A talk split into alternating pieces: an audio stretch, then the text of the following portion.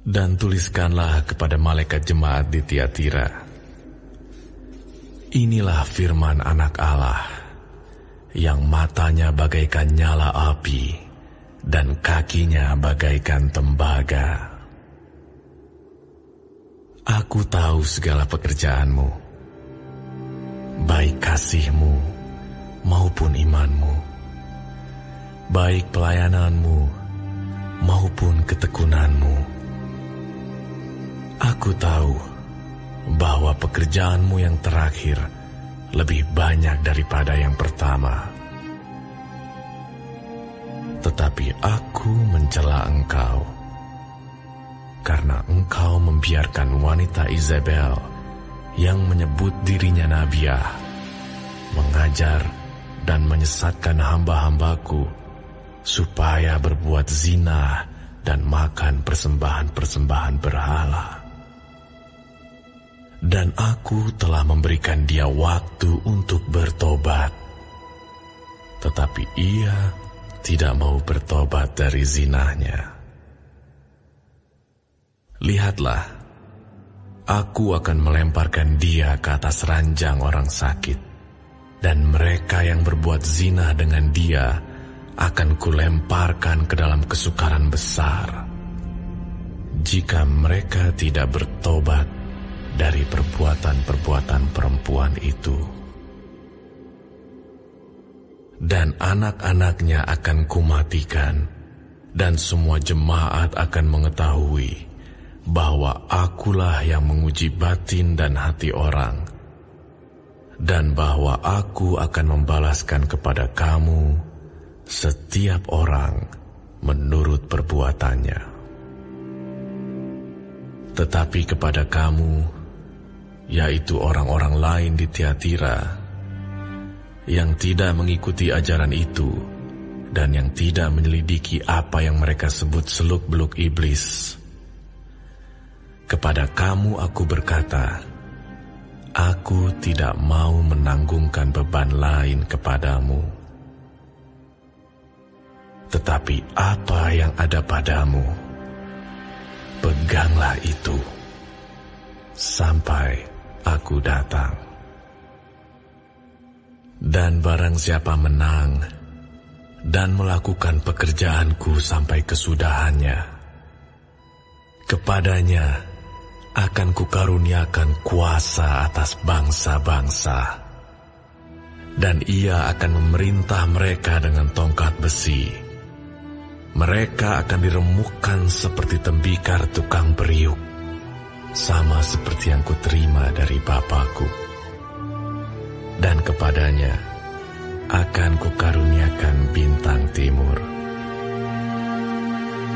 Siapa bertelinga, hendaklah ia mendengarkan apa yang dikatakan roh kepada jemaat-jemaat.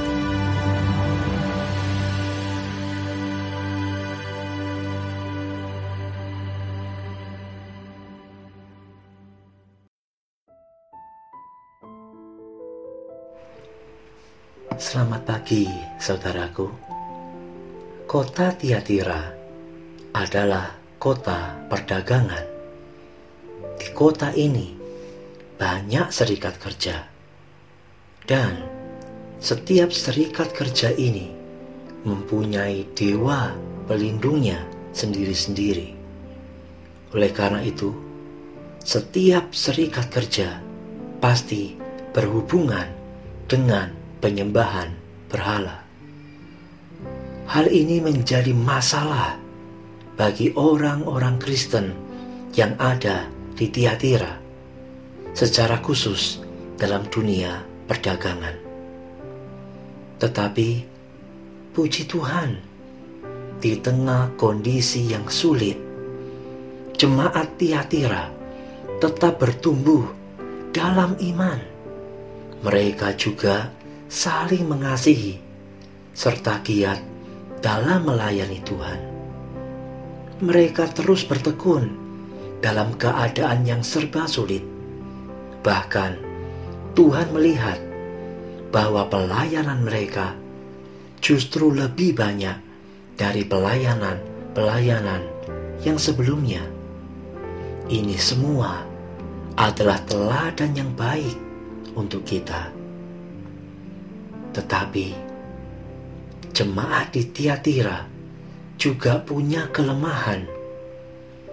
Mereka membiarkan ajaran-ajaran sesat masuk ke dalam gereja. Bahkan praktek-praktek kompromi dengan penyembahan berhala juga persinahan dibiarkan ada di antara jemaat. Tuhan mencela karena jemaat Tiatira secara pasif membiarkan semua itu. Tuhan menyatakan firman-Nya bahwa mereka yang terus hidup dalam dosa suatu waktu akan menerima hukuman dari Tuhan. Sebaliknya, jemaat yang tetap menjaga kesucian hidup diminta Tuhan untuk tetap hidup suci di hadapan Tuhan. Saudaraku, dari kisah jemaat Tiatira ini, kita kembali bisa melihat isi hati Tuhan untuk kita. Tuhan ingin agar kita terus maju dalam kerohanian, bertumbuh dalam iman dan kasih. Tuhan mau agar dalam masa sesulit apa pun, kita tetap tekun dalam pelayanan kita. Bahkan, seperti jemaat Tiatira, justru pelayanan makin bertambah. Saudaraku, Tuhan juga ingin agar kita tidak kompromi dengan dosa, melainkan menjaga hidup suci bagi Tuhan. Tuhan ingin agar kita hidup dalam pertobatan yang sungguh, karena waktu pertobatan dari Tuhan ada batasnya. Saudaraku, apa yang sedang engkau alami saat ini? Apakah engkau merasa jauh dari Tuhan? Mari, mendekatlah kepada Tuhan, karena masih ada waktu Tuhan untukmu agar bertumbuh dalam iman dan kasih. Apakah engkau merasa putus asa dengan pergumulan dosamu? Mari, bangunlah. Masih ada waktu pertobatan yang Tuhan beri. Masih ada waktu untuk memperbaiki diri dan kembali kepada Tuhan. Apakah kondisi yang sulit ini membuatmu enggan melayani Tuhan? Mari, bangkitlah seperti jemaat Tiatira dalam kondisi yang sulit. Justru pelayanan makin bertambah. Saudaraku, mari mendekat kepada Tuhan dengan hati yang tulus. Katakanlah, "Ini aku, Tuhan. Baharuilah hatiku." bangunkanlah aku untuk bertumbuh dalam kerohanianku. Kuatkan aku untuk hidup suci dan melawan dosa. Bangkitkanlah aku untuk setia melayanimu. Amin.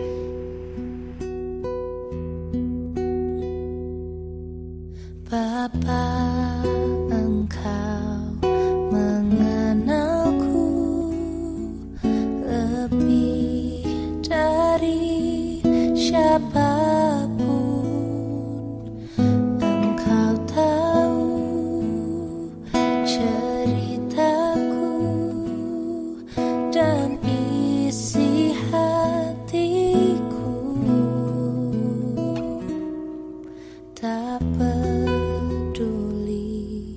Masa lalu